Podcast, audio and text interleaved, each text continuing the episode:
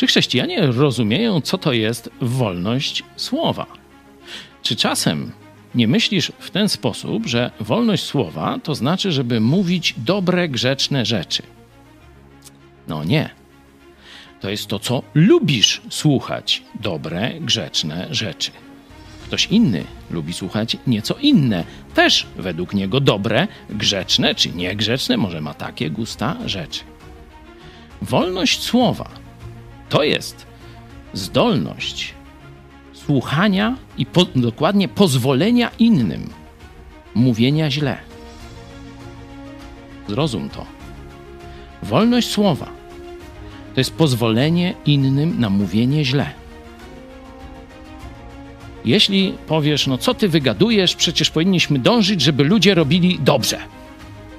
Prawda. Ale czy nakaz, zakaz, zamordyzm to będzie ku dobremu?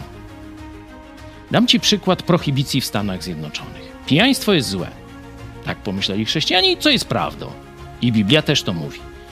Mamy władzę. No to zakażmy picia alkoholu. Wprowadzili prohibicję.